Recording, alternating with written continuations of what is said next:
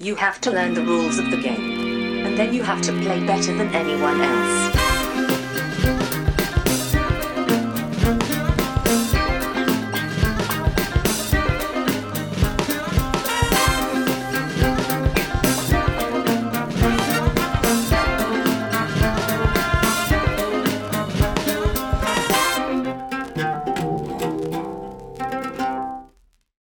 Och välkomna till Vems tur är det mellan turerna? Podcasten där vi förpestar era öron med vårt pladder. Jag heter Marcus Brisman, med mig har jag som vanligt min bästa vän och kollega Staffan till min Bengt Johan Gärderud. Ah. Eh, Okej. Kommer du ihåg Staffan och Bengt? Ja, väldigt, väldigt vagt. Men så här. eh, Staff, var inte, var inte... Ja just det, Staff, det är jag som är Staffan ja, precis. Han är den där lite vilde och galne och så här. Han har inte riktigt koll på, på hur det är. Eller puckad kanske Nej, det är nog tvärtom. Om jag minns rätt nu. Det var väldigt länge sedan jag såg det här. Det, det här var ett, alltså, ett barnprogram som hette Sant och sånt. Och sen hade de även en... De hade julkalendern ett år också. Just det, Då tror jag det precis, hette ja. Jul med Staffan och Bengt eller något sånt där. Staffan Ling var ju den mörkhåriga av Ja, dem. Som var det, lite precis. yngre. Ja. Som sen hade massa så här, tävlingsprogram på tv. Just det, Och så var det Bengt, som jag inte kommer ihåg vad han heter. Han var den lite galne som hade massa experiment. Eller Var de det? gjorde experiment hela tiden i Sant och sånt. Ah, om jag okej. kommer ihåg rätt. Ja, jag, är, jag tänker inte på något sätt försöka rätta det där för jag kommer inte ihåg. Det är ju fy- 35 år sedan minst. Ja, jag, jag, jag tror jag kollade lite på det när jag var, blev nyfiken. Nu måste jag kolla upp det igen. Bara för det. Julstrul med Staffan och Bengt hette julkalendern. Den kom på Mm. 84. 84 ja. Och Sant och sånt började i slutet. Från och med 70-talet till slutet av 80-talet. Det säger inte så mycket då kanske, men... 84 Men jag tror det var ändå då före 18, vår tid egentligen. 18 Eh, år sedan. Nej, nej, 38 år sedan va? Ja, som julkalendern var. Mm. Ja. Ja, Den kommer jag ihåg att jag sett så att... Eh, Mm, Jag gillar väl Staffan väldigt mycket. Det var därför jag kom på dem. ja, Till men jag, kommer, jag kommer ihåg dem. Jag kommer, definitivt, jag kommer ihåg precis hur de ser ut också. Mm. Eh, men inte så mycket om julkalendern var bra eller inte. Eh, Nej, det minns jag inte heller. Men sant och sånt gillar jag, för de gjorde massa tokexperiment som var roliga. Mm. Och sånt ty- tyckte jag var kul. När jag var barn. Mm. Ja, och så då, jag körde ju våran tagline som vi kom på förra gången. Det, det är nog enda gången den kanske används nu då, men i alla fall. Nej, men det är bra, vi övar in den lite. Ja, jag tyckte vi får använda den en gång i alla fall, så får vi se. Mm. Jag lyssnar ju på en, eh, en fotbollspodcast också. Det är klart du gör. Ja. Ja, och de säger ju att eh, podcasten där alla vet bäst. Men trots att det inte är så njuter vi av illusionen. ja, just det. Tycker jag är ganska bra. Ja, Ja, men det är ju ungefär som vi då. För man, Ja, det tycker jag också. Vi har aldrig sagt att vi är experter på någonting. Nej. Vi tycker om spel och vi saknar ju till och med kunskap. Så att... Eh, Ja, precis. Nej, det där ska vi inte älta. Det, det... Precis. Vi tycker om spel och det är därför Ja. vi är här. Och det är därför ni är här också antar jag. Antagligen så lyssnar ni på detta för att ni också tycker om spel. Eh, Ja. Och eventuellt tycker om när vi förpestar era öron med vårt bladder. Låt oss gå till vår första programpunkt.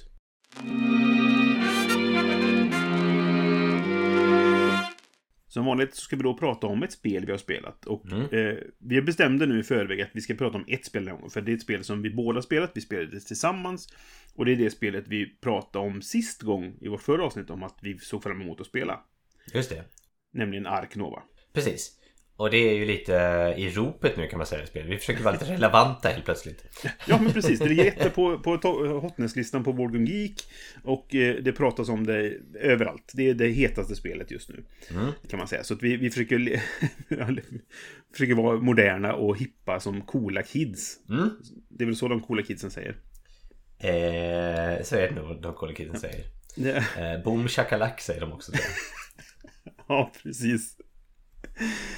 Vi spelade som sagt det här tillsammans via nätet då helt Mm. enkelt. Jag, jag har köpt spelet som jag sa sist. Men eh, då hade jag inte hunnit spela den. Och vi kan väl börja med att säga så här. Hade vi gjort vårat spelåret 2021 nu, efteråt. Så hade det ju hamnat på min topp 5-lista definitivt. Ja precis, och jag, och jag skulle också vilja ha det på min topp 5-lista. Det var, det var en väldigt positiv upplevelse som jag säkert tror vi kom till sen.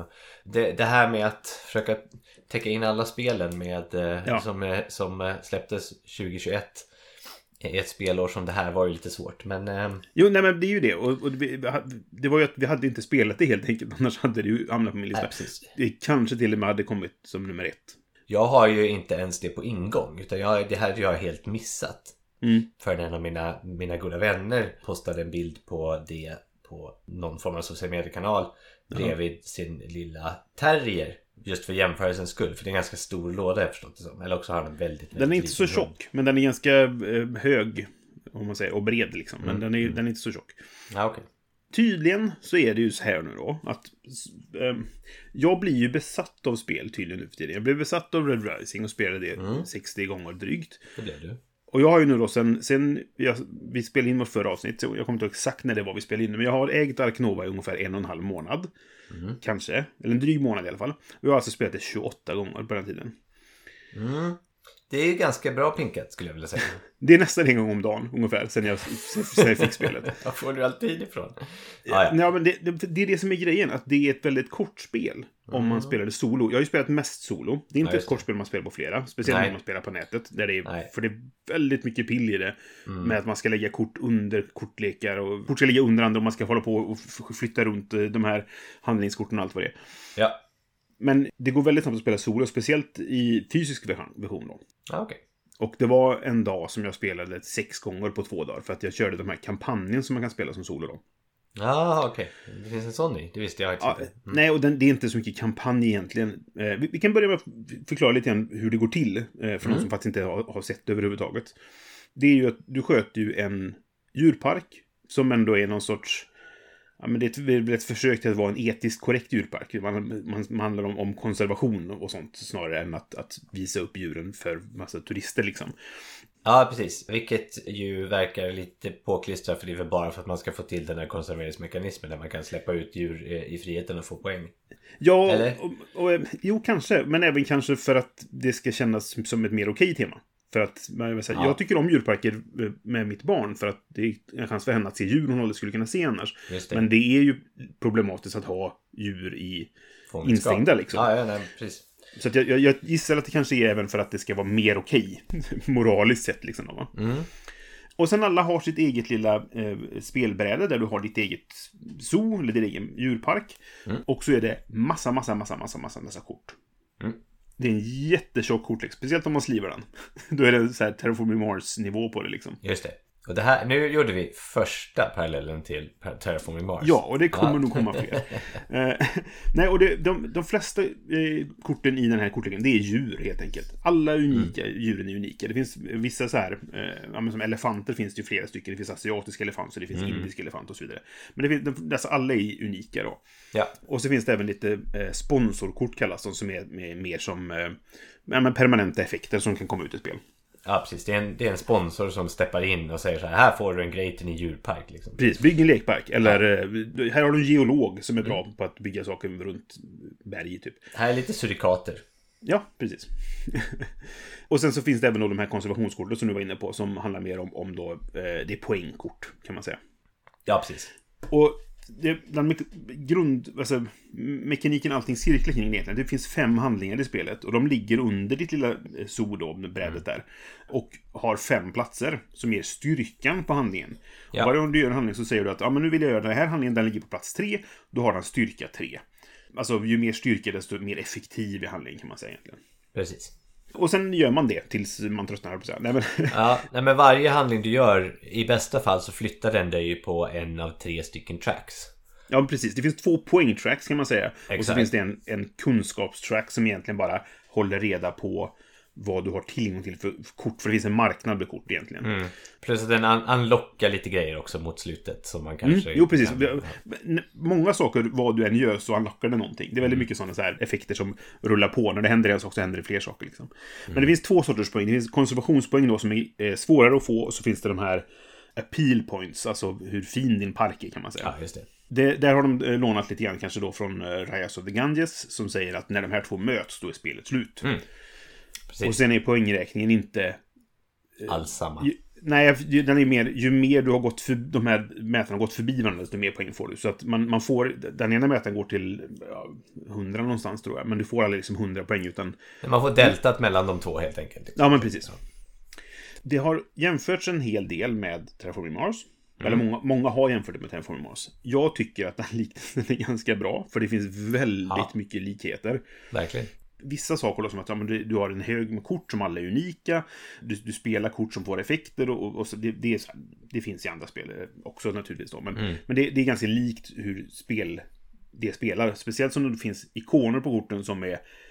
För att spela det här kortet så måste du ha den här ikonen. Just och det, finns det känner man också igen från Terraforming Mars. Ja, precis. Dels så är det så här, ja du måste ha det för att spela kortet. Men sen kan det också vara typ så här, om du har en sån eh, ikon så får du en rabatt på eh, Ja, flera kort av precis. den ikonen. Eller när du spelar det här kortet så triggar du det här för x gånger så många eh, ikoner du har. Ja, Eh. precis. Så det är ganska precis exakt samma sak egentligen. Men det där jag tycker det är likheten kommer mest för mig, det är att jag får precis samma känsla av att när jag gör val i spelet och precis det här hur gör jag för att komma till det här? Och hur använder jag det jag har, korten jag har just nu? Och vad behöver jag ha för kort för att kunna komma vidare i min plan om man säger så? Precis, i vilken ordning ska jag göra de här grejerna liksom? Ja men precis, och det, den känslan är det som jag tycker eh, liknade Terraforming Mars mest. Även om det, det finns an, alltså, speltekniska eller spelmekaniska likheter också, så var det känslan i spelet som, som verkligen var liknande för mig. Ja, jag, jag håller med om det. Och den, den, och den andra stora lik, likheten är ju att när du spelar in ett djur i din djurpark så gör du det på en tile som du har lagt liksom. Så det är ett tile-laying-spel på samma sätt egentligen som Terraforming Mars. Att du måste bygga någonting för att få en effekt. Ja. Och du Det är kan skillnad- bygga... Skillnaden med att man inte gör det på ett gemensamt bräde, utan man gör det på sitt eget bräde. Liksom. Exakt jag skulle komma till. Skillnaden är att man gör det på sitt eget bräde. Men, men du kan liksom täcka över vissa symboler så att du får en bonus på precis samma sätt. Och sådär. Men, men med den stora skillnaden då att du inte gör det på samma bräde. Så det är liksom inget så här, jag som... Jag kan inte riktigt påverka ditt zoo. Nästan Nej. alls. Nej, det finns vissa sponsorkort som är så här. När någon spelare spelar den här ikonen så får du Ja, pengar precis. eller en bonus av något slag. Liksom. Precis. Men det är nästan det enda. Det är väldigt solitärt egentligen utöver det. Ja, det, det, det, enda, det enda om vi går utanför ens djurpark lite så är det så här om jag spelar, det finns ju lite olika effekter man kan göra typ så här som om jag spelar en orm så har de ofta en, en, en förmåga, antingen så här en constrict-förmåga eller en poison-förmåga och då är det typ att jag kan manipulera lite dina de här actions så att de inte antingen inte blir så starka som de skulle ha varit eller att den kan helt enkelt bara blocka en action för dig. Just det. Eh, Så det är ju lite mer spelarinteraktion Ja, det är lite som det attackkorten sättet. i Terraforming Mars. kan, man, Precis. kan man jämföra det med. Precis, men det är inga di- direkt take that grejer liksom. Så här, du, du förlorar Nej. inte poäng på det sättet. Nej, nej, det är det inte. Men det, det, det kan förstöra väldigt mycket. Ja, det kan det spelade, göra. Det kan det eh, göra. Du saktar ner det definitivt. Ja. Ja, vi spelade ett fyrspelarspel en gång. Det är den enda gången jag spelade på fyra egentligen. Mm. Och då hände det ett par gånger att, för det var en spelare som tyckte det var kul att göra så. Sen gick det i och för sig sämst för honom. Så att Mm. det- det var inte en bra plan kanske överlag. Men han förstörde flera gånger att jag, för jag var redo, jag visste vilken handling jag skulle göra. Och sen kunde jag inte göra den helt enkelt. För att han hade lagt dit en, en ja, Venom-token eller vad det var då. För jag, jag kan ju se ditt, eh, ditt bräde och hur dina actions lägger, ligger. Ja. Så, och, då, och, och då finns det ju en ganska stor chans att du har planerat för att få den action som ligger på slott 5 just Ja. nästa runda liksom. Och då kan jag säga okej han ska göra det. Mm. Då skulle jag kunna göra, spela en sån här orm eller vad det nu var som, som gav de här speciella tokensna. Men det är också det enda. Och då får man foka lite på det också. Liksom, så här. Du kanske inte vill ha den där ormen överhuvudtaget. Och då tror jag det, det gagnar dig mer Ja. att liksom inte spela den där ormen utan kasta den som någon slags attrition. Mm. och, och spara på något djur som du verkligen vill ha. Nej, för, för utöver det så är interaktionen mest jag tog det du ville ha interaktionen som Ja, finns precis. många För det är en gemensam Eh, marknad och gemensamma ja. mål. Ja, precis. Och du har även saker du kan köpa. Det finns de här, man kan ha vänskapszon som man kan få. Det är oftast det krävs. Man får rabatt på djur och man, man får... Eh, vissa djur kräver vissa eh, världsdelar som man har samarbete med då. Just det. Och även de här universiteten. Och de kan man ju ta. Det kan man ganska säga. Jag behöver verkligen det där nu. Du tog den, okej. Då får jag vänta tills den fylls på igen, marknaden och så vidare. Men det, det handlar fortfarande bara om att bli liksom tillfälligt inbromsad kanske. Ja, ja, Eh, precis. Snarare att det är någonting som är riktigt överjävligt. Ja, Eh. det, precis, det förstör inte så mycket. Det är mer bara Nej. ett farthinder om man säger så. Ja. Ja, precis. Och då kommer vi också till eh, en liten kul mekanik som är en av mina favoritmekaniker i spelet och det är den här uh, break-mekaniken. Det vill säga, Ja. när man, det finns en break-mätare och när man gör vissa actions så, så, så går man ner på den där break-mätaren. Lite luddigt är det väl att man gör någonting som är ganska ansträngande, måste ta en rast och sen så får man fortsätta igen. ja. Och det är vissa av de här basic actionerna då som triggar break. Det är väl att antingen att en action tar lite längre tid för det handlar om att gå till andra zon och hitta djur till ditt zoo och såna här saker.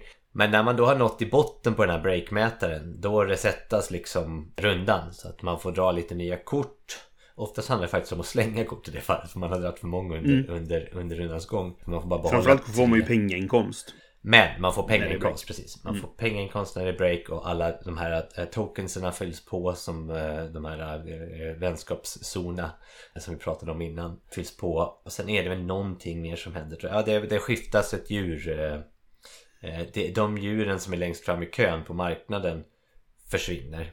Ja, precis. Eh, Skjuts av som vi sa när vi spelade. Ja. Vilket inte är spelets linje. Men Nej, lite så, men ja. vi sa, vart tog den där pandan vägen?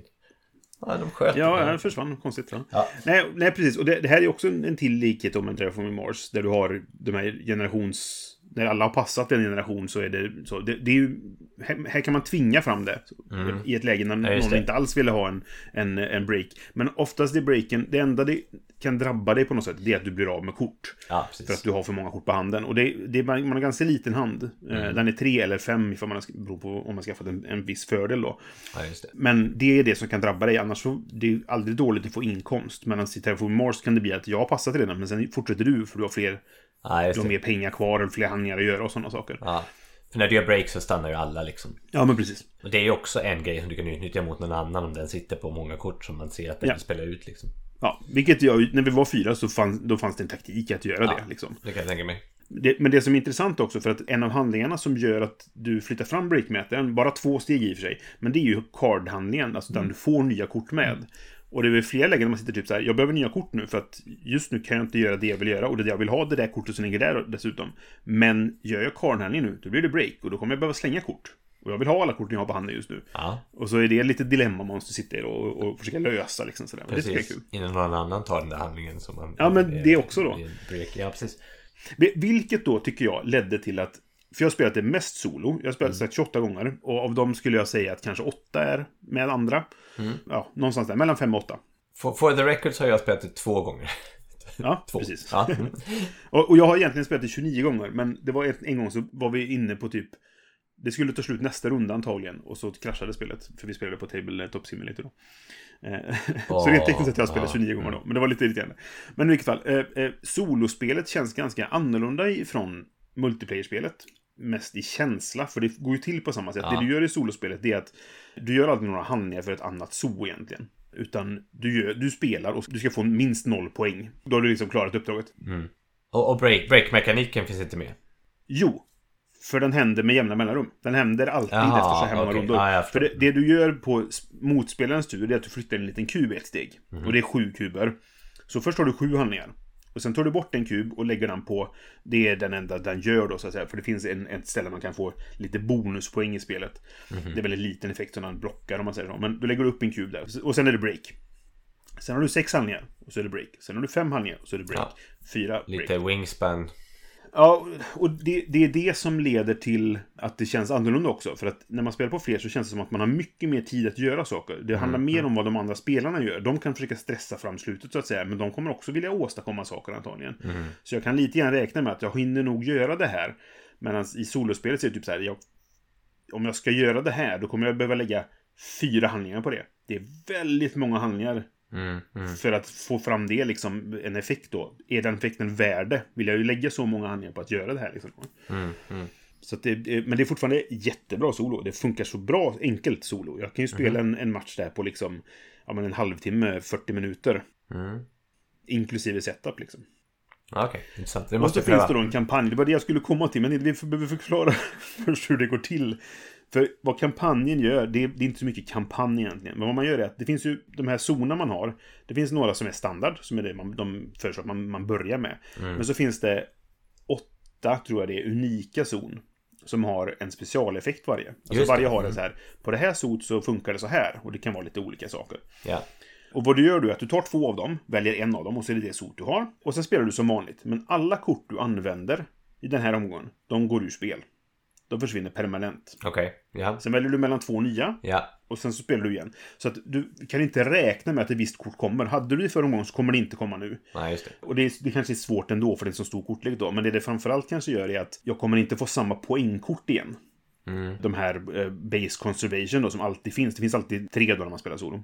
Ja, just det. Och då vet jag det att var det reptiler förra gången, att jag ska samla så många reptiler som möjligt, eller till en viss gräns, så då kommer det inte det, kunna vara det i de framtida spelen. Så jag kan redan planera det redan när jag, när jag spelat. Eh, Jag kanske gör mig av med reptiler för att det kommer inte vara aktuellt i nästa omgång och så här sen då. Så det, det är inte så mycket, det är mer en, det är en svårighetsgrad i det. Det är inte så mycket att det är en kampanj som berättar en historia på något sätt. Eller det är inte alls det. Nej, nej precis. Nej, jag förstår det. Ja, Men jag älskar det här spelet. Jag tycker det är jättebra. Mm. Eh, eh, jag har förstått att du har blivit väldigt förtjust i det. Jag har inte ofta haft möjligheten att spela det så mycket. som När jag spelar det så tycker jag det är jättebra.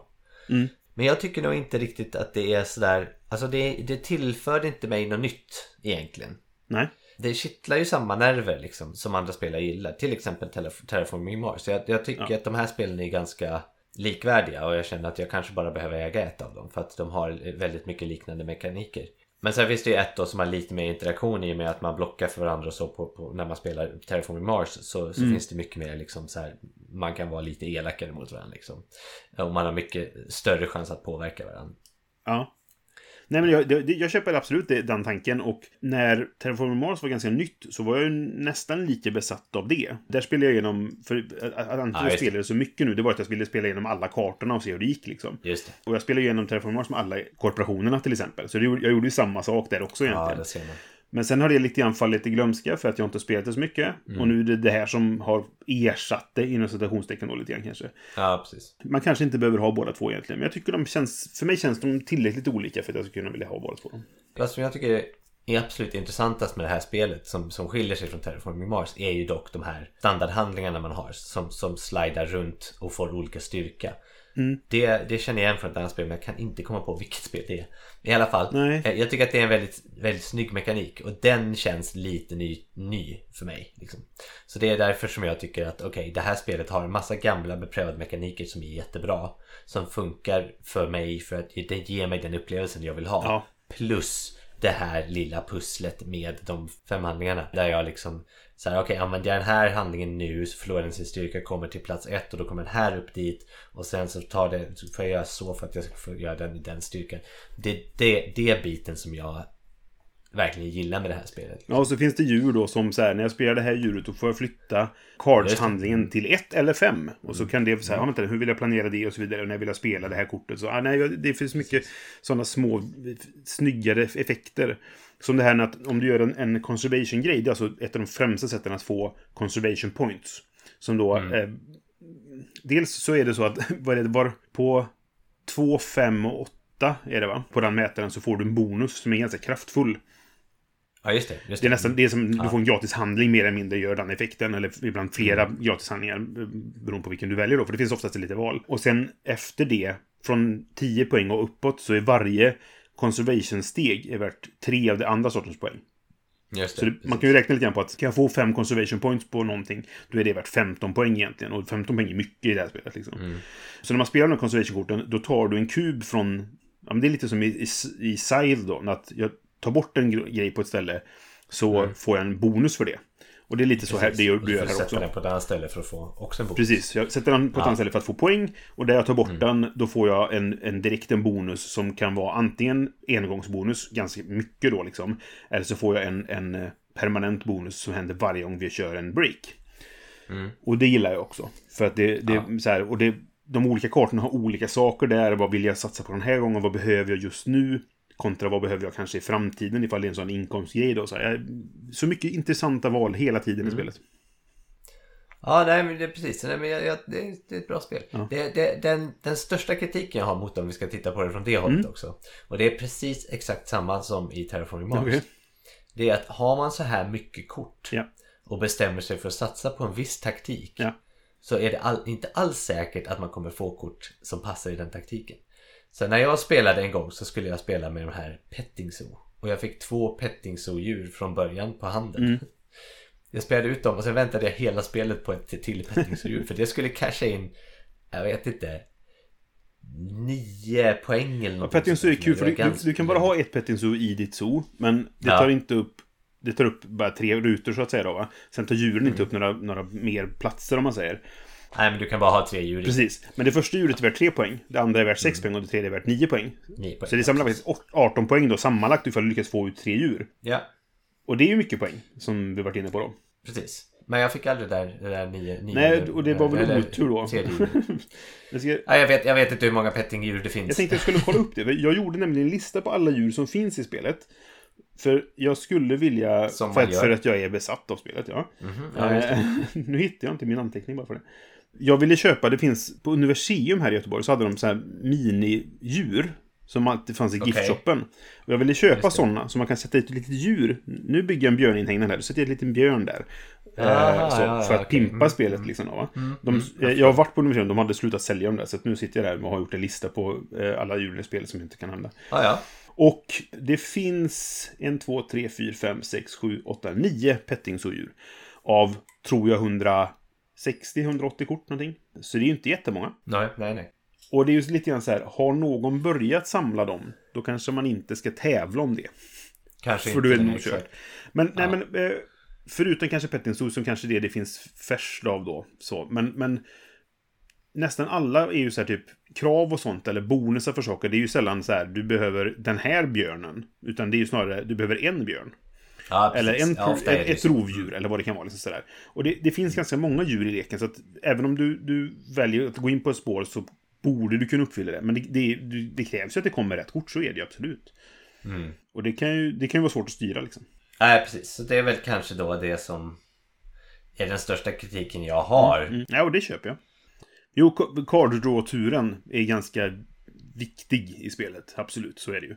Speciellt om man drar blint från högen som man kan göra när man ska där. då, då kan det ju vara Ja. väldigt tur eller väldigt otur liksom sådär. Jag, jag tror när vi spelade också så fick jag i början fick jag väldigt mycket såna här äh, gräsätardjur. Ja. Och sen så hände någonting så att jag kom inga alls på ett tag. Nej. Nej, det kan ju, slumpen kan ju vara så. Och det, och det, det, det är ju någonting jag som sagt kan se i Terraforming Mars också. liksom så att Ja, nu har jag exakt, byggt en, precis. En space-strategi här med massa pla- äh, platina liksom, eller vad heter det? Eh, och så kommer det inga kort som gör att jag kan spela det. Så då sitter man där och har massa resurser man inte kan använda liksom sådär. Ja, precis. Och, det, och det, det, det är också det att den enda gången jag designade ett litet spel och prototypade det så äh, när man hade slutat spela det då satt man med ett överflöd av olika tokens. Alltså Ja. resurser i spelet. Som man hade samlat på sig för att de var viktiga i början i mitt spel men sen mot slutet blev de inte så viktiga men de, de liksom kom. Det kom jättemånga varje runda. Då kommer jag ihåg vår vän eh, spelprofessor Staffan sa Du vad ska jag göra med de här nu? Det här får du tänka om. Ja. Det har jag kommit ihåg sen dess. Liksom, eh, eh, och jag känner lite i, i det här spelet Ja. med pengar. Mm.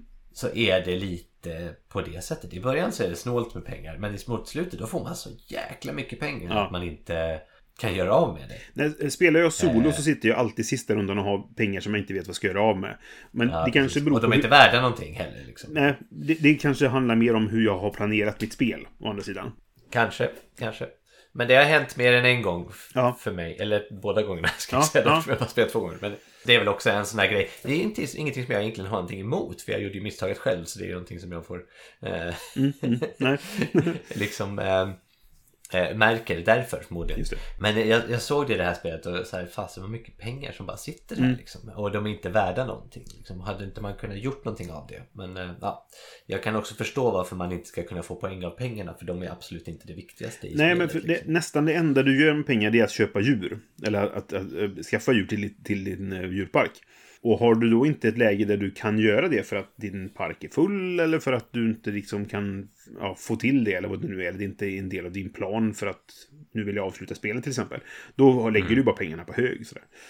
Ja, precis. Men eh, annars så tycker jag att eh, liksom, det är inte så mycket annat som jag har eh, som, som jag kan tänka på negativt om spelet. Nej, nej, jag- jag om tycker det är. Det är väl typ så här två, två ikoner, typ så här om man ska... Den, den ikonen som säger lås upp det avancerade byggkortet och den ikonen som säger här behöver du avancerade byggkortet för att bygga Ja. är väldigt lika. Det är väldigt svårt att se dem. Ja. Men eh, om ikoner inte har med samma så att säga ehm, område att göra så är de väldigt skilda från varandra och då tycker jag de är ganska bra. De är liksom övertydliga. Men det är mycket ikoner. Det är lite så här eh, Ja, Race for the Galaxy-nivå på att eh, du måste lära dig massa ikoner. De kanske är mer logiska här, så man kan känna igen Ja, dem på grund av att det finns en tematisk koppling. är.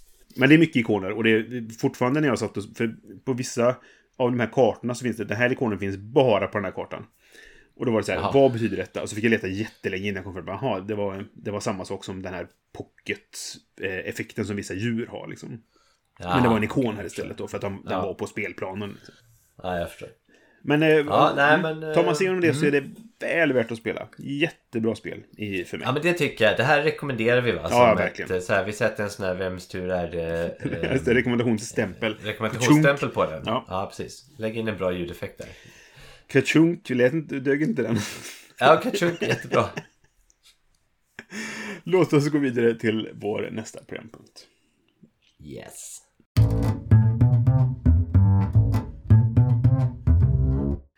Vi tänkte att ämnet för det här avsnittet ska vara ospelade spel vi äger.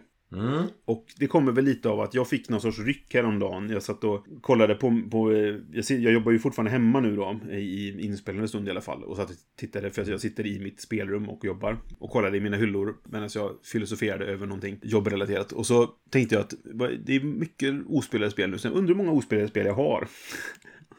Så tog jag ut en lista från Board Game Geek och gick igenom alla spelen jag inte hade spelat. Och sen tänkte jag, jag tänkte om jag skulle ranka de här, precis som när vi gör en sån här topp 100-lista liksom. Och så gör jag mina topp 100, eftersom jag märkte att det var över 100 då. Så gör jag en topp 100 ospelade spel jag äger i grad av hur sugen är jag på att spela dem.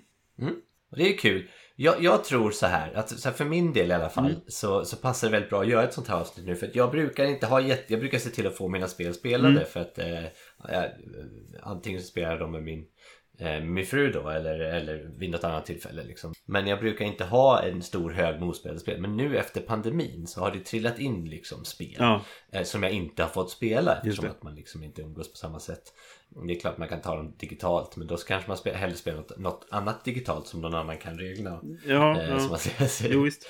Så att jag hade också ett gäng. Nu är inte jag, har inte jag dina nivåer av spel för att eh, av, av, av ol- olika skäl då. Men främst för att du jobbar som spelrecensent också. Ja, så jo, du, det- det du, har, bidrar du, ju. får, du har ett liksom jämnt inflöde av spel Ja. medan jag en Kickstarter trillar in här och där för mig och det är inte värre än så egentligen. Men det är ändå en hög. Ja, Som, du hade ja, 21 va?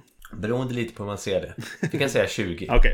Och jag, jag, kan, jag hade ju över 100 spel. Mm. Men jag rankade topp 100 för det var lättast. eh, Jag, jag tog bort några så här som egentligen står på min säljhylla. Som jag bara inte har hunnit sälja än. Och några som är så här. Det här är för likt det här spelet som jag redan har spelat och så vidare. Så de, de, de sållade jag bort redan innan jag började ranka. Mm. Och en av anledningarna till att jag har så mycket ospelade spel nu då, om man vill, tycker att det är mycket, det, det får man väl själv känna liksom. Men det är ju mycket det här som sagt recensionsbiten för att jag får recensionsex av spel och sen köper jag ju spel som jag är intresserad av också. Men de spelen jag är intresserad av som jag köper, de står oftast i hyllan tills dess jag har tagit mig igenom recensionshögen. Och sen då, under pandemin, så har det blivit mindre spelat och därför så, så har det bara byggts ännu mer på högen än vad det kanske gjorde tidigare. Så att ja, men jag gjorde min topp 100 i alla fall. Och sen så gjorde du någonting. Ja, sen så la jag upp den på Facebook i en grupp. Jag, nu kommer jag inte ihåg ifall det var på Konrad Jargo eller ifall det var på Brädspelsforum jag la upp den, men i vilket fall. Du la upp den på två ställen tror jag. Men i alla fall. Nej, jag la upp den i, i, i Sporadically Board också. Eh, Just det. För där har jag mina engelsktalande spelkompisar, så att säga. Och så skrev jag liksom så här, ja men eh, är det någonting ni tycker borde ligga högre upp på listan och så vidare? Och, och folk fick kommentera. Och det var jättekul att höra för att det, det var ju folk som sa då liksom att nej men det här tycker jag är bra nog, det borde vara högre upp. Eller det här behöver du inte spela för det är dåligt och så vidare. Och det får man ju naturligtvis att all, ta allt det där med en nypa salt. För så här, ja det är din åsikt och så vidare. Såklart. Det jag slogs av, Ja. det var att det var så väldigt många som verkade tolka när jag skrev, är det någonting du tycker borde vara högre upp för att du tycker, du tycker att det är ett bra spel, liksom, att det här är någonting jag borde testa. Eh, verkade tolka det som att, varför har du inte det här högre upp? Du är ju dum i huvudet, som inte tycker att Brass är det bästa spelet i världen. Min tanke om det är väl så här, ja fast det är ju spel, de är ju rankade efter nä- hur gärna jag vill spela dem.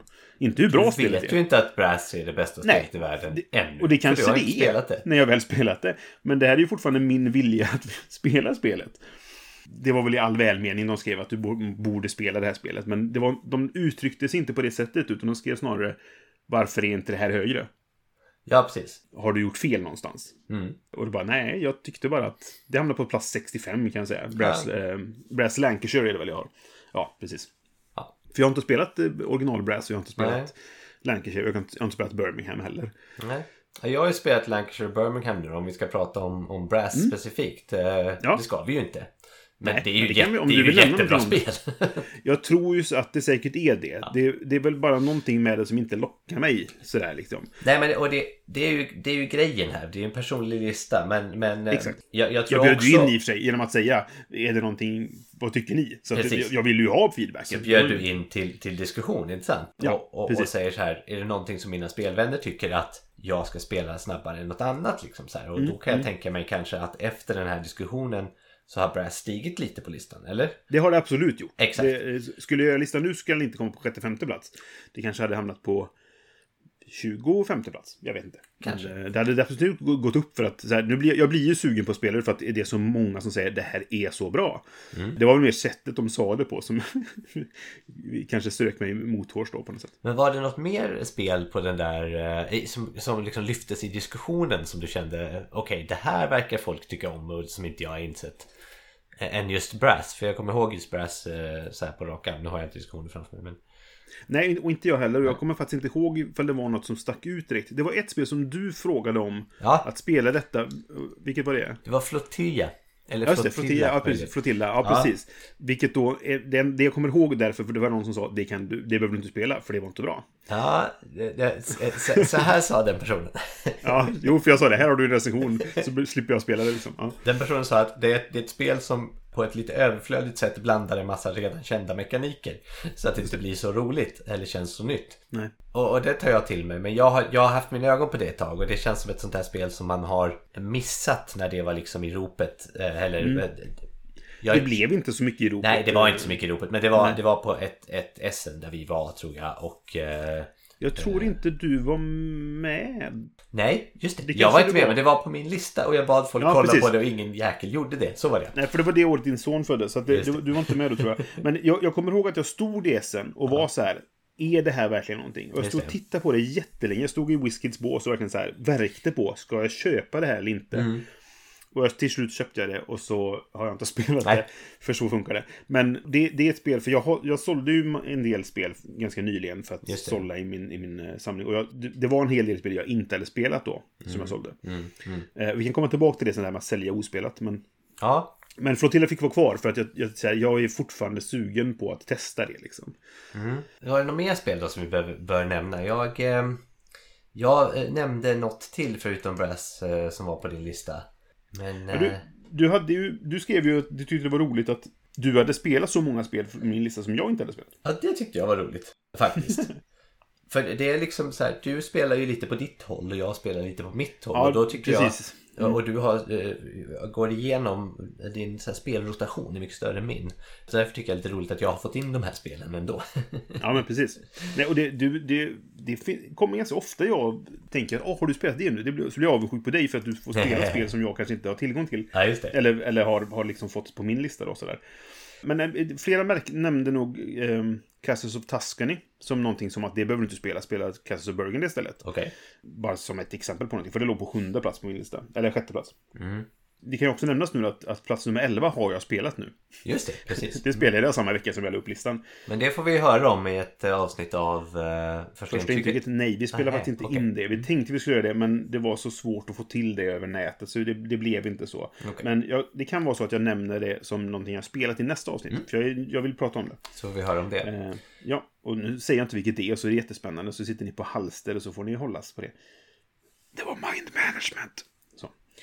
Ja, just det. För om man hade haft listan hade man ju kunnat... Skitsamma. Ja. Precis. När jag började göra listan så var jag ganska säker på vad som skulle ligga i toppen. För jag är ju väldigt sugen på att spela Dune Imperium. Jag är väldigt sugen på att spela Anno 1800. Jag är väldigt sugen på att spela på Smartphone Inc. Och det är de som ligger på ett, första, ja, tredje och andra plats nu, för nu sa jag det med fel ordning. Men, men sådär, jag- jag visste vad som skulle ligga i toppen liksom. Men vissa andra spel överraskade mig med vart de hamnade på listan. Och jag tyckte det var kul. Det var ju lite roligt att, att du gav Dune Imperium till mig i, i vår lilla julklappskalendergrej. Och jag har hunnit spela det redan. Ja, men jag har ägt det säkert ett halvår före jag gav det till dig i julklapp, om inte mer. Men har inte spelat det. För det är ett spel jag köpt och inte fått i recensionsex. Och då Ja. ligger det... Det ligger överst i den andra högen. Ja, okej. Jag Kan man förstår. väl säga. Jag tycker att det ligger rätt, rätt bra där på din lista. Ja, jag, är ju, jag vill jätte, jätte, jätte, jättegärna spela det. Att jag spelade Mind Management var, som låg på elfte plats nu. Och det var för att det är ju ett recensionsex som jag ska recensera. Och därför där. så gled in sådär. Jag vill bara flika in också eh, så länge du har inte nämnt det men ibland så recenserar du ju spel du faktiskt köper själv också. Vi vill, ska väl göra det, Det klart. händer, liksom. Men det är inte så ofta. Och det, det handlar mest om att det här, oftast är högen med recensionsex ändå så stor att jag behöver inte fylla ut med andra spel. Mm. I nästa nummer av Phoenix kommer en, en recension av Cora Quest till exempel. Och det är mest för att jag vill att sprida ordet om det spelet. Och därför så recenserar jag det. Men eh, nej, eh, Mm. Ja, det, det stämmer väl. Ibland så spelar, eh, recenserar jag spel som jag har köpt också. Om inte annat så pratar vi om dem i den här podden. Ja, men precis. Och det, det händer också att jag recenserar spel som jag har betalat eh, självkostnadspris för. För att eh, utgivaren inte hade Ja. råd att ge mig ett spel. Precis. Jo, jag tänkte också nämna Anno 1800. Det var ju ett annat spel Mm. som vi, vi gav bort i våran julklappscykel. Och den Ja, för det gav du till Ja, Åke. det är kul att, kul att vi ger bort sådana spel liksom. Ja, Vad heter det? Jo, de spelen som jag tyckte du skulle ranka högre. Nu har jag liksom... Det, var Teotihuacan. Som du har på det. 25 plats, 23 plats. Mm. Och Gugong. Om det nu uttalas så. Ja. Det äh, vet jag inte riktigt vart det är någonstans. Eh, Jag kommer inte ihåg, det, det hamnade inte jättehögt upp. För Nej. att jag var väldigt sugen på det när det kom. Men sen har det lite grann, det pratas inte om det längre. Och Nej. lite grann så här, det, det, det, man behöver inte alltid bara spela det som pratas om sådär. Men, men det är ju lite grann så här, som speljournalist, bla bla bla bla. Så vill jag kanske ibland prioritera saker som kan vara bra att veta någonting om. För att folk pratar om det. Mm. Och har ett spel hunnit falla i glömska inom citationstecken så glider det automatiskt ner på min lista. Nej. Lite grann, bara av det liksom. Jag tycker att, jag tycker att Gugong är ett sånt där Det är så perfekt liksom arbetshäst light Det skulle kunna Mm. hänga med Och det hade förmodligen gjort det för fem år sedan Men nu kommer det så pass många spel så det drunknar lite i det Men det är, Ja. det är ett jättebra sådär mellan euro-spel med ganska så här kul val och sådär Så att jag, jag, Mm. jag, jag tycker det är ett bra spel Jag tycker definitivt du ska spela det så att, eh, ja. Ja, jo men det, det ska jag göra. Någon gång. Sådär, men absolut. Teotihuacan ligger också högt på listan. Eller det, det, det vill jag också spela. Och det är mycket för att jag tyckte att Tekken var så bra. Så det, det, därför så, jag skaffade ju Teotihuacan efter att jag spelat Tekken och tyckte Ja, att det var bra. Så att jag, då, då ville jag ha det också för att kunna se om det var lika bra då. Mm. Så det, det, det kommer hända. Eh, förr eller senare. Nu tror jag faktiskt, vi pratade innan om eh, de här um, actionhandlingarna i Ark Nova. Mm. Frågan är om inte mekaniken jag känner igen det från är just Teotihuacan. Okej. Där du har ju de här olika tärningarna, the workers som tärningar i princip som, som går runt på en, det. på en Och de kommer att placeras på någonstans och där den, du kommer får du göra handlingen så att säga. Den flyttar så många steg tror jag, om jag inte minns fel, som Som sitt värde sitt eller? värde. Det vet jag inte om Mm. Men därifrån att den landar så får den göra en action till styrkan av sitt värde så att säga. Ja, okej. Mm. Och då gäller det att man ska försöka få den i, rätt. Men det där, det var länge sedan jag spelade så att, eh, Men det, Ja. det känns lite som att det har lite med Det har lite samma andemening i det att liksom du får manipulera dina Dina workers till att hamna på en action och där får du Ja, styrkan av dess worker. Skitsamma. Mm. Det kan vi prata om när du har spelat det tycker jag. Ja, absolut. Det ska vi göra. Andra tanken om det här med ospelade spel då. Det, det, det är bara kul att nämna. För det pratade vi i våra, bland våra första avsnitt när vi pratade om speltermer. Mm. Med Shelf of Shame, som många kallar det då. Och jag tycker att det här med att man kan säga Pile of Potential är ett mycket mysigare ord.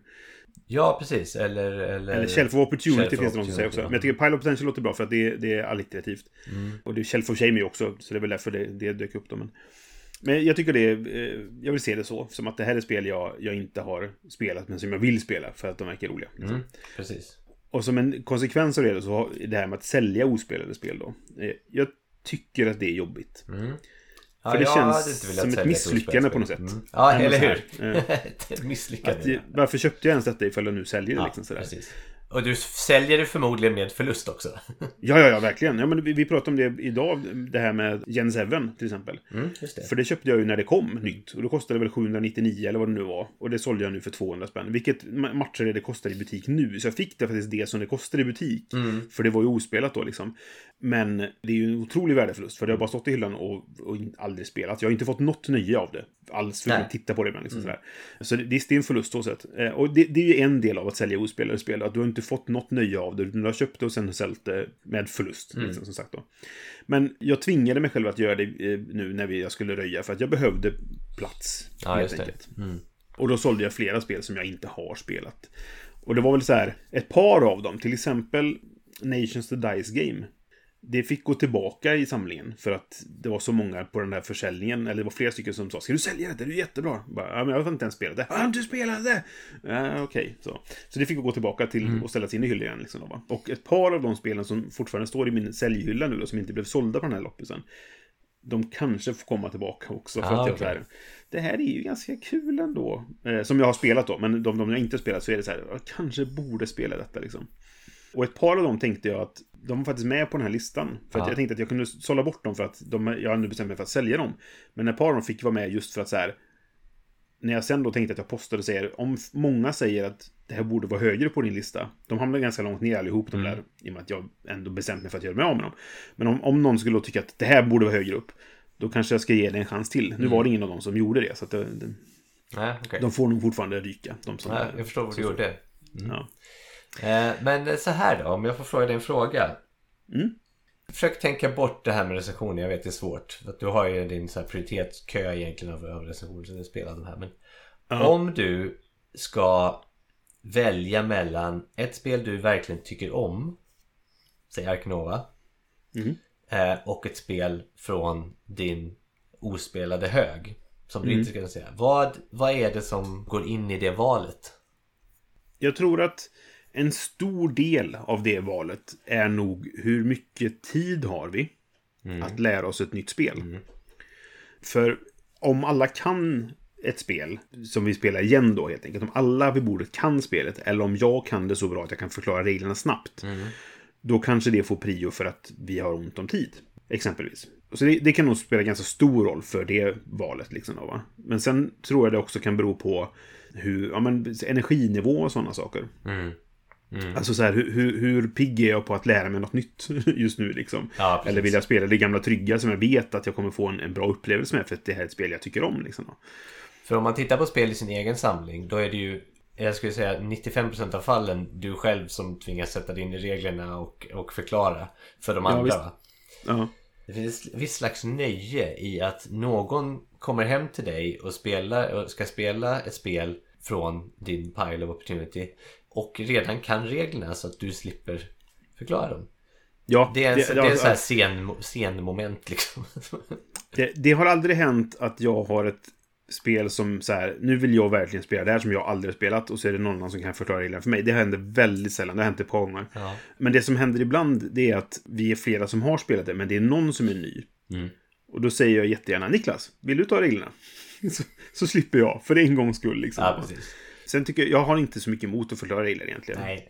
Nej. Speciellt inte om det är ett spel som jag är entusiastisk för. Arknova för exempel. Det är, ganska, det är inte så svårt att förklara nej. ens. Det gjorde jag efter att ha spelat det en gång. Eh, ja, nej men det, det är inte så komplicerat. Inte nej men så regler, systemet är inte så svårt. Sen blir det, finns det som sagt tusen miljoner ikoner som gör, står mm. för tusen olika handlingar. Ja, och det där, eller effekter. Och det, det är där det blir komplicerat då. Men, men nej, jag, jag har inte något emot att förklara regler. Men det kan vara skönt de gångerna typ så här ja, men har vi en spelhelg där vi spelar flera spel i rad, då är det skönt att kunna få ett break. Att nu kan någon annan få förklara det här mm. spelet. Mm. och så tar jag något annat. Mm, liksom. Men annars, vad som ingår i det valet, det vet jag inte. Det är, det är nog mycket bara känsla. Mm. Vad, vad, vill man liksom just nu? Vad känns det som att de andra är sugna på liksom? Ja, precis. Jag tvingar ju ganska ofta min spelgrupp att spela det jag säger. För att det är ju det. Och men det har ju också med recensionsbiten ja, ja, Jag behöver spela det här spelet nu. Ja. Kan ni tänka er att spela det?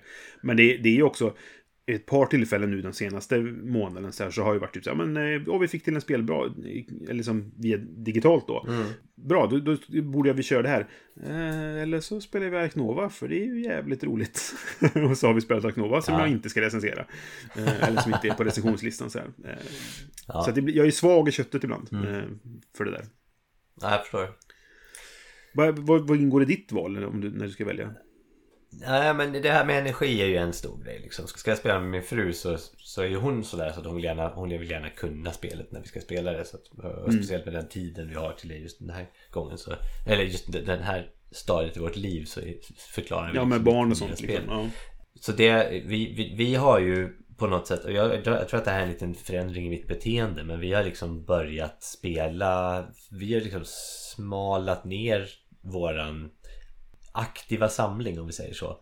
Till ja. ett antal spel som vi, som vi nu cyklar igenom i princip. Och det är... Ja, ni har en, rotation på spel liksom. Tre, fyra stycken bara. Som, ja. som vi fortfarande får ut liksom mycket av att spela. Mm. Men det gör ju då att den här uh, shelfen blir ett orörd och växer liksom. Just det. Vilka spel ingår där om, om du har det? Ingår i uh, Ja, den rotationen. rotationen. Den är Tapestry gissar jag. Tapestry, Ja. Imperial Settlers, Ja. Everdell, Ja. Tiny Towns, Okej. Mm. Wingspan. Ja. Det är nog de just Det är nu. nog, okej. Mm. Ja. Bra spel allihop förutom Imperial Settlers. Som är ett okej spel. Det är inte ett dåligt spel Men eh, nu börjar det bli väldigt bloatat med expansioner och grejer Ja, jo, det, det är det är sant. inte vad det en gång har varit Men, det, men det, ni spelar Imperial Settlers, ni spelar inte det här den nya versionen som jag inte kommer ihåg vad den heter ens. Alltså den här kampanjgrejen Jaha nej, nej du menar det här Raiders of the Eller eh, Islands of the North eh, something Ja, precis. Det. För den nej, tyckte jag nej. var sämre. Nej, Den har jag inte ens prövat Jag kände Nej, liksom jag- inte att jag hade behov av den när jag hade det mesta till det andra Nej. Två andra spel vi spelar för, som är på den rotationen är Montana Det brinner jag ju för lite så här för dess enkelhet Och Coimbra Just Så det. det var gans- ganska många spel egentligen Ett spel som ligger på min vill spela-lista. Jag kommer inte ihåg vilken plats det hamnar på, men det, det ligger definitivt på Ja. att jag vill spela det. Det låg gan, gan, ja, 13 plats, så ganska högt upp. Jag är väl för det spelet liksom. Ja, och det är mycket därför det ligger på min lista. Så högt som det är, för att eh, du, du pratade varmt om det liksom. Ja, jag tror, att, jag tror att det är lite så här. Det är inte alls särskilt komplicerat egentligen. Och det går ganska fort att spela. Eh, Mm. Men jag tycker det är smart. Det är, det är, så, det är så smart. Det är allting, alla mekaniker liksom flödar in i varandra på ett bra sätt. Just det. Det var en annan sak jag tänkte på angående folk som kommenterade min lista. Och det var de som sa Spela de här, de är ju jätteläsnabba och enklare, så får du av dem från listan. Var, meningen var inte att jag skulle liksom få bort så många spel som möjligt på listan så snabbt som möjligt. Eh, Men det var ju bra att få tips då på ett spel som inte är så svåra att lära sig kanske. Så, men eh, jag tycker bara det, det var en kul reaktion att så här, syftet med listan var ju inte hur blir jag av med de här spelen så att de är spelade sen. Eh, Det var inte det som var tanken liksom. Men, Nej, precis. Nej men så om man ska gå tillbaka till det här valet då. Jag tror att om jag skulle liksom arrangera en spelkväll igen då, då. Då skulle jag nog förmodligen välja något av de här spelen. Men jag har också insett att det finns ju spel som ligger, särskilt de som ligger, nu har jag bara en 20 spel på min lista och inte 100. Men de som ligger på plats 20 och där nere. Frågan är om inte de ligger där av en anledning och att jag liksom inte kommer... Jag jag har tappat intresset för dem helt enkelt. Ja, nej men så är det ju. För alltså så här, jag, jag äger ju en del spel. Jag hade ett år på SN, eller ett år, många år på SN. Men, men eh, det är ju oftast, det är det jag skaffade de flesta av mina spel. Eller skaffade i alla fall då, Ja. eh, när jag fortfarande åkte. Och det, det blir för det får ju oftast väldigt mycket recensionstext. Så det är flera spel som jag har köpt där nere som jag, som jag har varit halvsugen på. Alltså som jag har varit intresserad av, men som inte varit typ såhär, jag bara, åh det här är det bästa så måste jag spela direkt liksom. Som Ark Nova till exempel, som jag köpte och spelade direkt. För jag var så himla nyfiken på det. Och det är flera av de spelen som har stått nu i hyllan sen kanske... Ja men fem år kan jag nog kanske nästan gå tillbaka på ett par av dem. Och som fortfarande är på min... Som jag inte har sålt liksom. Just det. Men som är väldigt ljumna. Sådär. Men det är så här. Det är någonting med det som jag intresserar mig för och därför så vill jag fortfarande spela det. Eh, Flotilla är inte så gammalt, men det, det, det är på den nivån att så här, jag är ganska ljummen på det, men jag vill ha kvar det. Sentient är ett annat sånt där spel. Just Som jag skaffade och så här. Det har bara inte blivit av. Men det var liksom, det var något, det, det, Sentient kommer jag ihåg för det var nå de hade gjort ett skitbra spel året innan och så ville man liksom kolla in.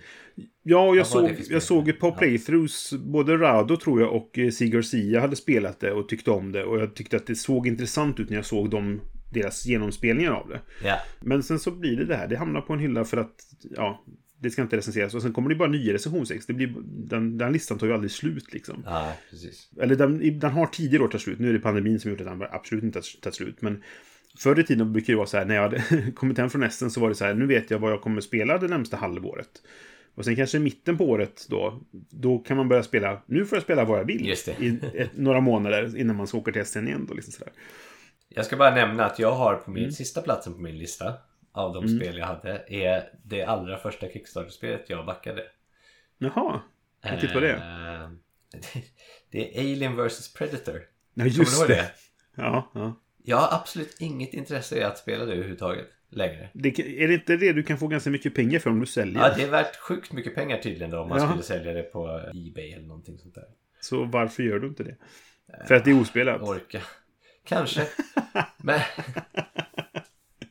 jag ser, det som en, jag ser det som en investering som vår vän Åke skulle sagt. ja just det. Ehm, Mm. Nu, sen när jag har liksom förlorat mitt jobb och, och eh, inte har råd att tanka bilen längre, då kan jag sälja det. Just det. Ja, precis. Ja, vilket spel var det ni köpte som, som en investering annars då? Det var det här eh, resespelet, vad heter Ja, det? just det, precis. Det hette Remember Our Trip. Just det. Ja, det, det försökte jag sälja sist jag på loppet, men ingen ville köpa det. Nej. Så hur, hur gick den investeringen? Eh, Det är ditt slutande, jag har det fortfarande. Hur som helst. Jag vill bara säga också att eh, jag kommer använda den här listan, för du, nu när du gjorde den här listan så fick du mig att göra en lista, jag också va? Och jag kommer använda den här listan till att i princip bestämma vilka av de här spelen jag kommer att göra mig av med. Så, så Ja, blir det liksom, jag, med. att, jag kommer också snegla på listan. Sen, så jag kanske borde göra om den nu och lägga Brass högre upp. Men för det har liksom fått mig att inse, för det första så köper inte jag lika många nya spel längre, det gör jag inte, jag, jag har börjat titta lite i min hylla istället, för jag vet att jag Ja. Får, mycket bra vilket är därifrån. klokt. Men eh, ja, Ja. jag är dålig på det där. Jag tror, jag tror att jag... För jag insåg eh, efter mitt senaste SM, då jag gick bärsärk verkligen och köpte så mycket spel. Så insåg jag att jag behöver inte göra det. För det är många av dem jag sålde nu då. Mm. Mm. För att jag nu har jag inte varit på SM på två år. Så jag, har inte liksom gjort det där igen. Så jag kommer vara betydligt mer restriktiv när jag Mm. åker på nästa spel. Precis. Men samtidigt så de spelen som kom högst upp, de har ju rankat, för det är en individuell ranking, de vill jag ju spela, inte sant? Ja, Så, så det var en väldigt bra övning faktiskt det här Brisse. ja, jag tyckte också det var kul övning. Och det var lite därför vi kände att vi ville, vi ville prata om det här. Precis. Och en sista grej här är ju att det spelet, om man tittar på våra listor då, så är det väldigt så här, väldigt varierande. Jag tror inte vi har särskilt mycket Vi, vi hade gemensamt. inte...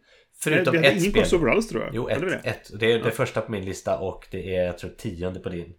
Ja. Och det är Vampire the Masquerade. eh, Heritage. Ja, Heritage. Ja, som vi ja. båda vill spela. Och faktiskt, jag tror vi sa det förra eh, gången i podden att när vi båda såg fram emot att spela Ark Nova vid förra avsnittet. Att Mm. det var första gången det hände. Men jag tror att det faktiskt hände en gång innan och då var det Ah, vid okej. Vampire Heritage. Som ingen av oss har ha fått varit, ja. spela ännu. Ja, ja. Nej, och det var faktiskt ett av spelen som någon sa det här bör du inte spela för det var inte så bra som jag hade hoppats. Och han sa specifikt saker som inte klaffade för honom som är saker som jag hade hoppats att det skulle klaffa. Ja, Så att jag är, nu är jag lite orolig. jag såg den kommentaren också. Jag har ju läst reglerna ja. till och det är lite så här typ att eh, Ja, du kan ju liksom rekrytera en eh, Toreador till din broraklan och eh, det är helt liksom speltekniskt rätt i det här spelet. Så de bara byter lite så. Ah, okej. Mm. Ja, Så det det, det finns lite sådana grejer som, som eh, Men jag tror att, eh, jag tror att eh, som liksom gammal Vampire-spelare så vill man gärna spela det där spelet i alla fall. Se, Verkligen. se vad det är för någonting. Men jag tror precis som, som din vän som kommenterade sa att det kommer inte uppfylla de förväntningar som vi har på det. Nej, nej. Jag tror inte det. Men, men vi får Det se. är väl risk för det. Ja. Vi får se. Vi får se. Ja, precis. Då går vi vidare till vår nästa programpunkt. Det gör vi.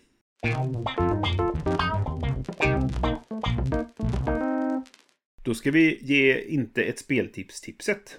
Där vi helt enkelt tipsar om någonting som inte är ett spel. Jaha, är det vår nästa programpunkt?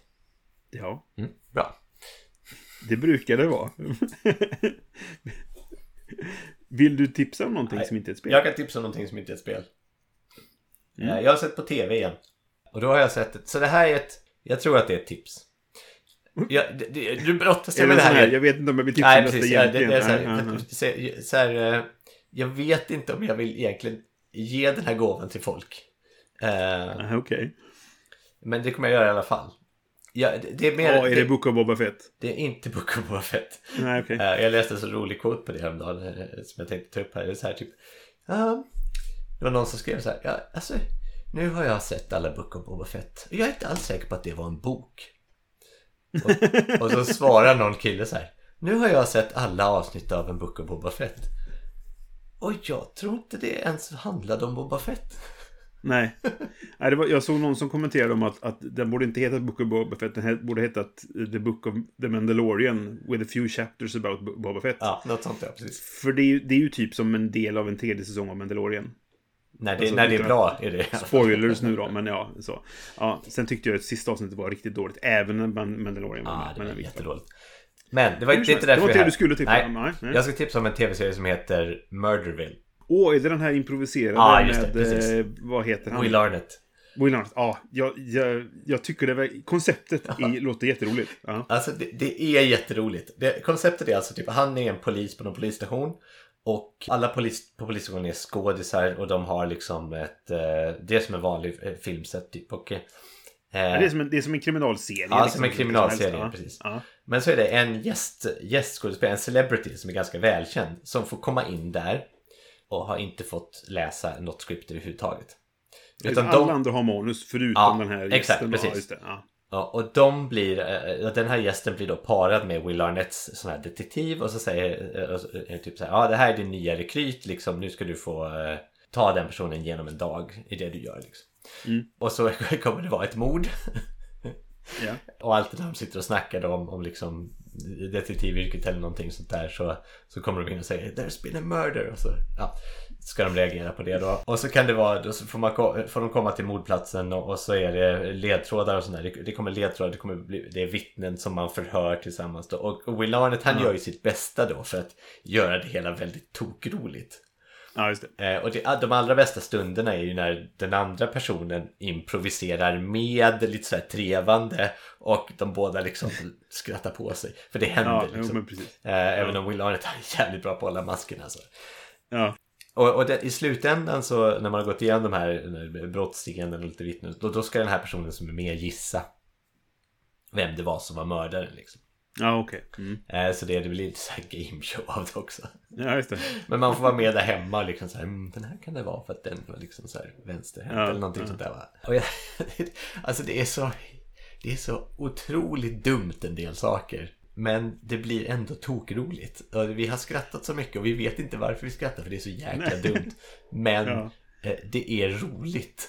Alltså konceptet är ju briljant, Ja. verkligen. Eh, Jag har bara inte hunnit se den, men jag, är väldigt sugen på att se den. Ja, det är lite platt. Det är inte så bra som man vill att det ska vara. Men, Nej, men, okej. men det är ändå roligt. Liksom. Ja, det är värt att se då, kanske.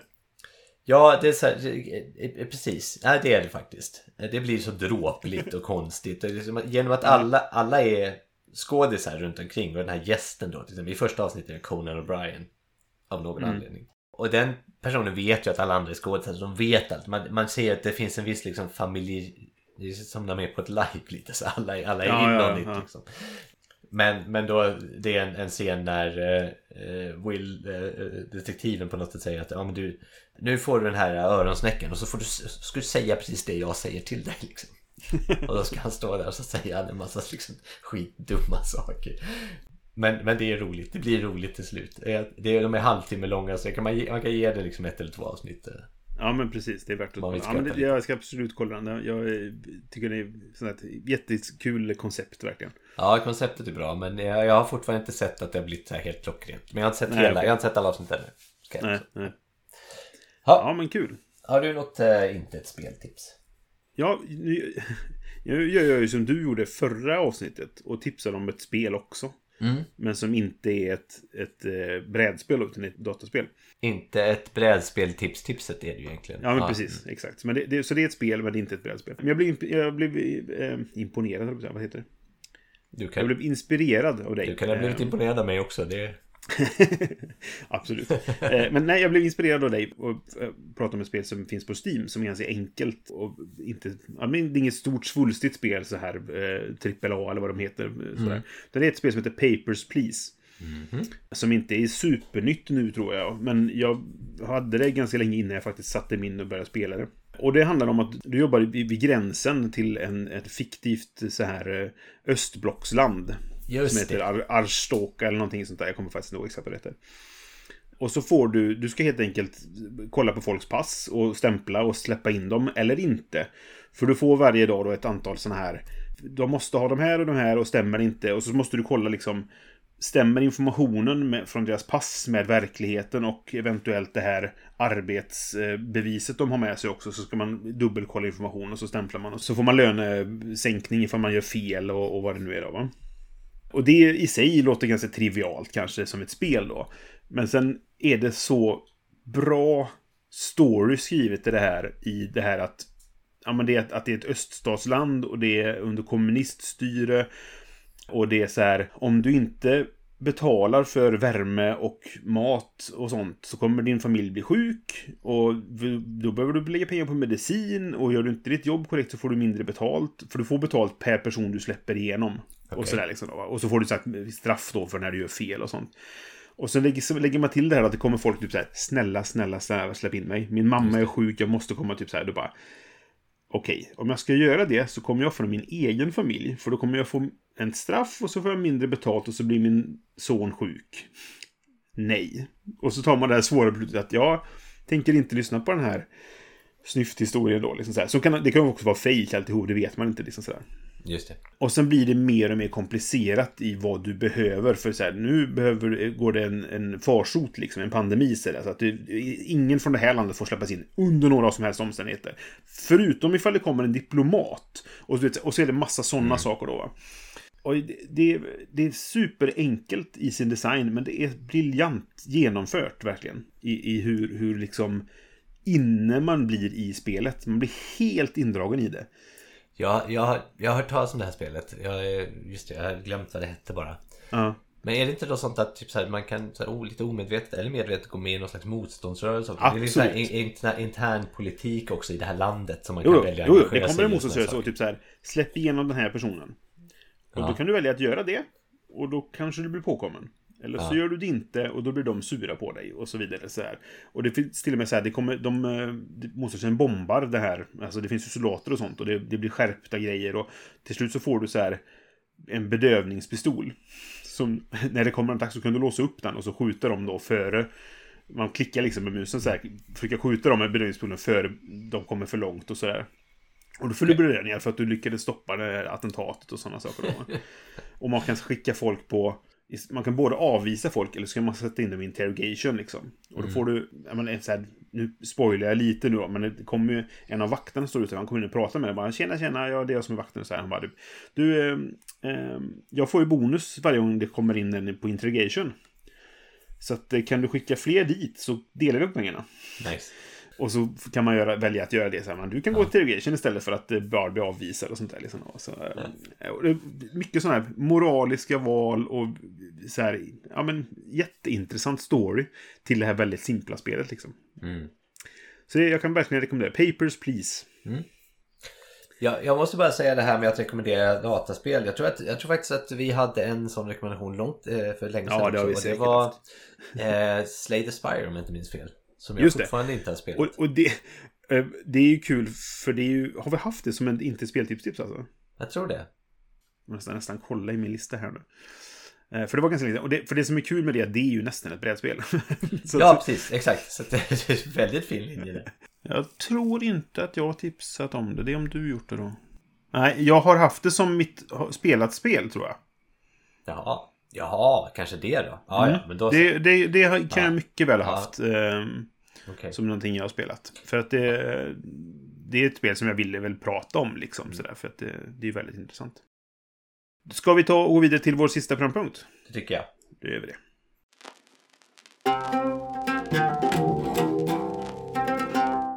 Och sist, som vanligt, så ska vi prata om vad vi vill spela någon gång mellan nu och universums värmedöd.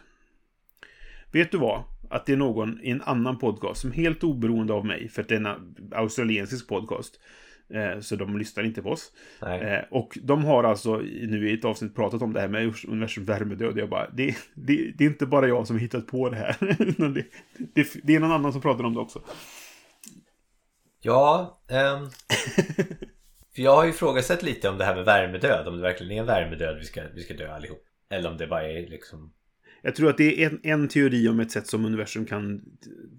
Alltså, alltså som universum går under. Och det är värmedöden. Och det, det... Jag hörde faktiskt om det på någon, någonstans jag läste, eller så här, i förbifarten som någon pratade om det. Eh, inte den här podcasten utan en annan någonstans. Eh, och just det här att det, det är en teori om, om hur det kan ta sig ut just för att ehm, men det är så många, otroligt många år i, i, i framtiden att det går inte ens att föreställa sig. Nej, Nej det, det är väl sant. Det är onödigt att spåna om det. Men vi, vi Men så jobbar någon i gång alla fall mellan nu och ut då efter... tänker vi Ja, spela eh, ett spel. Precis. När värmedöden är ett begrepp man kan sätta i sitt sammanhang. Ja, precis. Det borde Ehm. räcka. Ja, Ska du börja då Bengt? jag är sugen på att spela ett spel som jag vi har nämnt i podden tidigare, inte som något vi vill spela, men det var med på vår lista över saker vi såg fram emot på, på spel som vi aldrig åkte på.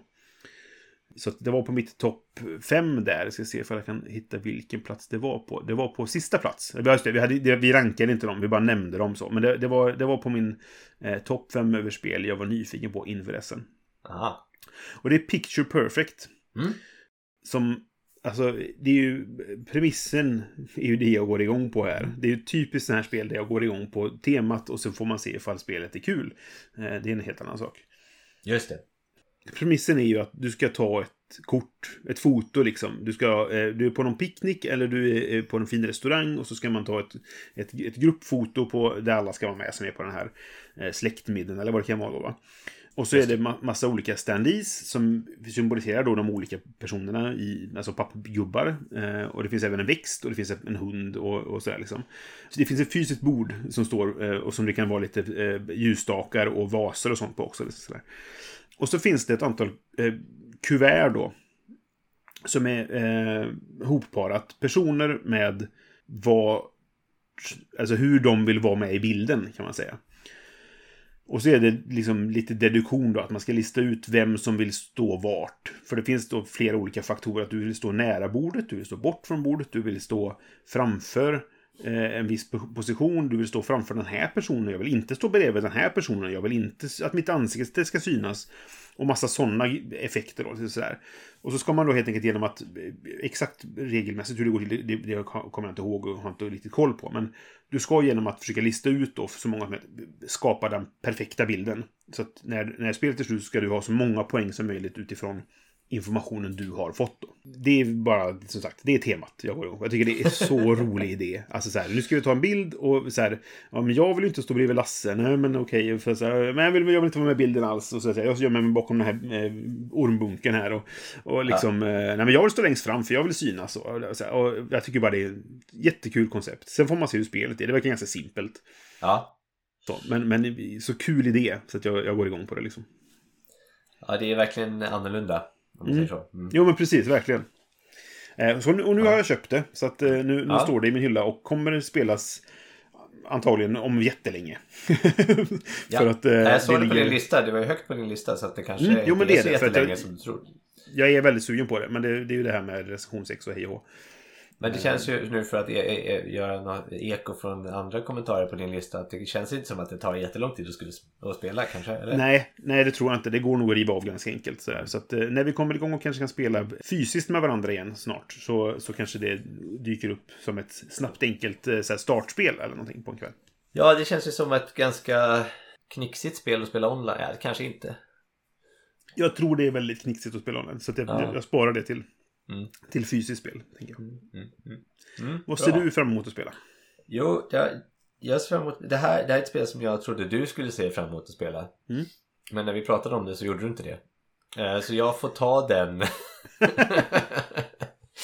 jag får ta den eh, eh, pucken helt enkelt. Okej. eh, Och lyfta fram det här spelet. Och det heter Batman Everybody Lies. Ja, just det. Mm. Och det är ju då alltså ett spel i Detective-serien helt enkelt. Mm. Från Ja. Portal Games. Där man ska lösa fall i Gotham City med omnejd. Eller jag vet inte om det är omnejd, men det är i alla fall Gotham City. Ja, ja, precis. Och eh, det är alltså ett, eh, ett samarbetsspel där man ska lösa fall i detektiv, i detective-molden. Man har sådana kort med eh, händelser på eller eh, investigation-grejer på. Och man har också eh, förmodligen någon slags digital komponent. Eh, Ja, i, i, beroende på vilken tidsålder det är så är det ju... Alltså i vanliga detektiv så har du en, en databas som man gör ganska Precis. mycket saker i. ja, Mm. något sånt. Eh, men det står, det står att det ska finnas digitala Det komponenter. är väl fysiska Bat, det kan vara. Batcave-datorn som du kan göra saker i. Kanske det. Grejen är ju att du kontrollerar vissa karaktärer. Ja. Ingen av dem är Batman. Nej, jag vet och det är jättekonstigt. Men, Men ja. jag- samtidigt lite kul. Jag tycker det är lite så här intriguing. För att det är så här, man kanske får liksom så här undersöka lite, alltså man får uppleva hur det är att vara någon slags undersökande person i Gotham och så verkar Batman i kulisserna och gör massa konstiga saker liksom. Ja, om inte man storyn inte kanske- Batman är borta, ni måste hitta honom. Att Ja, det är en det av, av, vara. av scenarierna liksom, om man säger så. Så kan det också vara. Jag tror snarare att det kan vara liksom en intressant yttre liksom omständighet som, som Ja. gör saker som man kanske också kan, man kanske kan skjuta bat-signalen och få hjälp i ett fall eller någonting. Ja, just det. Ja, precis. Mm. Eh, Men jag tycker det verkar så himla kul applikation av den motorn, eller det systemet på ett liksom comic-IP. Men alltså, jag, jag blev ju superpeppad när jag såg det först. För jag Mm. gillar verkligen Batman. Det är en sån här... eh, eh, jag brukar, om jag får frågan så här, vilken är din favoritseriehjälte? så brukar Mm. jag säga att jag gillar Marvel mest. Men ska jag välja en person, alltså en hjälte och hans eh, med, med omkringliggande kompisar och sånt, liksom Bat Family då. Då är, då är det Batman. Ja. För att jag tycker Marvel är oftast där, där är det oftast grupper eller, eller så här, när de samarbetar med varandra. Jag, jag tycker om Spiderman väldigt mycket. Men, men ja, så. så därför jag, jag blev jättepeppad när jag såg att det skulle komma. Mm. Men Men. Nu kommer vi till jag har men. ju inte uppskattat Detective så mycket. Förutom Vienna Connection, som jag tyckte det. var jättebra. Mm. Men, Men- det här är ju inte skrivet av samma personer som skrev Vienna Connection. Det här är skrivet av de som skrev eh, Detective Season 1, som är sämst. Ja. Man kan tänka sig då, tycker jag, hoppas jag, att de här personerna samarbetar lite. Att de kommer ju ändå från samma liksom... Man kan hoppas det. Eh, Ignacy Cevicek är ju ändå den gemensamma nämnaren i alltihop. Så han Precis. är ju med på allting då. Mm. Problemet är ju då att för efter att jag spelat Vienna Connection så var jag ju jätteglad på det, för det och tyckte det var superbra. Och då blev jag ju sugen på Dune House... Just det, ja, det det heter. Mm. Mm. Vilket har fått ganska dålig kritik. Ja, det. Och det är samma gäng som har gjort detta. Mm. Mm. Och då blir man så här, jaha, Mm. vad synd. För jag blev ju peppad på idén. Jag ska, jag, det, eventuellt kommer jag skaffa den då, för det är ändå Batman. Så att eh, det, det Jag tror nog att du kommer skaffa den då faktiskt. Ja, Men Det finns en viss chans till det, ja. Mm. jag tycker att eh, för mig som gillade... eh, jag har inte spelat Detective Season 1 och jag har inte spelat Vienna Connection. Men jag har spelat det första Detective. Som, som vilket jag, det, for, for argument's sake då, jag tycker fortfarande att det första är bra. Det, Det är var bara att det tog bra, för ja, lång precis. tid att spela. Ja, det gjorde det. Det var lite för mycket köttigt. Lite för Ja, köttigt. precis. Just- Därför fick det strykas ur, ur liksom min samling, jag sålde det. Men Detective Season 1 är räligt. Det är jättedåligt, tycker jag. Okej. Ja. Ja. Och det, ja, det gör mig tyvärr. Det blir lite, smolk i vägen Ja, ja. för, detta liksom. Jag har inte de här känslorna. Nej, jag förstår det. Och ser jag det, det det, det är jag glad för att du inte har. För jag gillar också Bat- Batman. Ja, Inte på samma sätt som du tror jag. Eh, för jag har inte alls samma liksom, insikt i, i, i de olika eh, turerna i hans liv. Eh, Nej. men Nej. jag har sett filmerna ja. och läst de, de, de liksom största, Nej, men alltså så här, mest kända liksom, vad ska man säga, um, storylinesen. Så att, eh, Det som är kul är ju då, för anledningen till att jag ofta säger Batman, det är att ska jag nämna, ja men så här, ja, jag gillar Marvel mest, mer egentligen då. Vilket är bäst då? Eh, Allt. Helheten. Så. Men alltså, med Batman kan jag säga, det här albumet är bra, det här är bra, det här är ja, bra. det. Och, det, och det, så därför så blir det oftast att jag, jag vill, gillar mycket specifika storylines han har. Men Marvel Mm. gillar liksom kanske helheten. Och jag, ser, jag, jag har läst Marvel så mycket att det, det handlar mer om så här universat. Gillar Mm. jag mer på något sätt. Mm. Liksom. Mm. Eh, Medan jag, jag har flera Batman-stories som är suveräna liksom. Som jag kan peka på att det här, Precis. det är bra serie liksom. Och jag tycker att det, det får man väldigt sällan med Marvel. Du får det aldrig Nej. så liksom 90 gritty liksom. 90 Nej, du nej, får, det- nå- du får det aldrig så gritty som, som Batman kan vara i vissa av de Nej. här serierna. Liksom. Jag gillar ju, eh, alltså Marvel-sidan så gillar jag ju Ultimates väldigt, väldigt mycket. Ja, jo, det, det, det eh, vet jag. Ja. Eh, men Mm. Men inte, utöver det är det svårt att sätta fingret på det här är bra Marvels story liksom. Sådär. Jag är också stolt ägare av seriealbumet Batman vs Predator. Bara så att du vet. Eh, Ja, jag har även Batman vs. Judge Red. Så att, eh, Oj, mm, ja. japp. Det finns också. Det finns också. That's a thing. Judgment on Ja. Gotham tror jag det heter om jag kommer Ja. ihåg rätt. Ja. Men ja. Mm. Nåväl. Everybody lies. Jag, jag, är, det är ju, jag gillar ju idén. Så att det, det, vi får se. Det kanske är superbra. Jag hoppas att det är superbra. Jag tror vi båda vet att det kanske inte kommer vara det. Det är lite kanske som Vampire Heritage, att det kommer inte uppfylla våra, våra, Nej, nej, det- det eh, vara våra högt ställda förväntningar. Men det är ju vårat fel. Och det, och det, men det, det kanske är så här då att vi, vi kommer sänka våra förväntningar eftersom vi tyvärr då eh, befarar att det kommer inte bli så bra för att det och så vidare bla bla. Alla har vi ju sagt. Och det kanske därför överraskar oss med att det är bra. Det var ju det som hände med Vienna Connection. Jag förväntade mig inte att det skulle vara bra och så Nej. var det bra. Och det kanske inte var så bra som jag verkligen känner nu. Men det var så mycket bättre än vad jag trodde att det skulle vara och därför blev det så bra. Mm. Och det kanske kan hända här också om vi håller förväntningarna låga då. Jag har ett eh, Vienna Connection eh, på väg eh, på din rekommendation här. Så att eh, Gött. det ska jag se till att få spela. Det blir kul att höra om... Oj! Oj! Jag fick en sån rysning. Ska du gå och byta olja eller något? Ja, precis. Eh, Det ska bli kul att höra vad, vad ni tycker om den när ni har spelat den. Jag bara satt här och pratade vanligt och helt plötsligt så pratade jag med Zoidberg.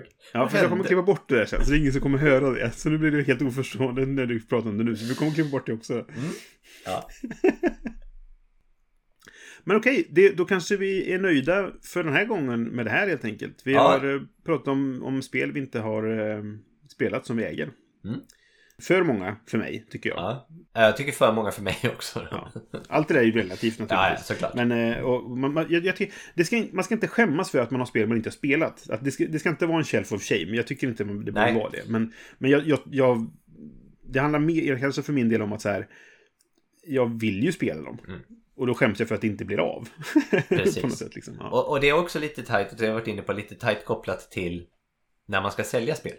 ja. Där vill vi också liksom så här, kanske flagga för att det är en helt annan diskussion varför man säljer spel tycker jag. Ja. Och, och det finns en naturlig, naturlig relation mellan dem men det är inte bara Nej, liksom, ospelade spel man säljer såklart. nej, Eh, Det nej. kan ju vara andra typer av spel också. Så, eh, Nej, och det, jag tror vi hade i vår lista över så här potentiella ämnen så tror jag det finns köpa och sälja tror jag Mm. har varit, stått med där. Så det kanske vi tar upp i ett framtida Ja, vi kanske ska prata om det. i framtiden. Vi får se. För jag har mycket tankar om det nu för tiden. Ja, då, då skriver vi upp det som en potentiell eh, ämne till ett framtida avsnitt. Mm. Snart. Snart. Men okej, tack för att ni har lyssnat den här gången. Ni får jättegärna höra av er ifall ni har tankar om ämnet som vi pratar om eller någonting annat vi har pratat om idag. Ni hittar oss på eh, spelradio på de flesta ställen. Alltså på eh, Facebook och på vår hemsida. Vi finns på Spotify där vi heter Vems tur är det? Mm. Ni kan också mejla oss på brisse.spelare.se eller johan.spelare.se eller bara kommentera på när vi lägger upp de här avsnitten. Så vi vill jättegärna ha er feedback eller era tankar eller förslag. Ja! Som vanligt så är musiken gjord av Robin Landahl. Ha det så bra så hörs vi nästa gång. Hej då! Hej då!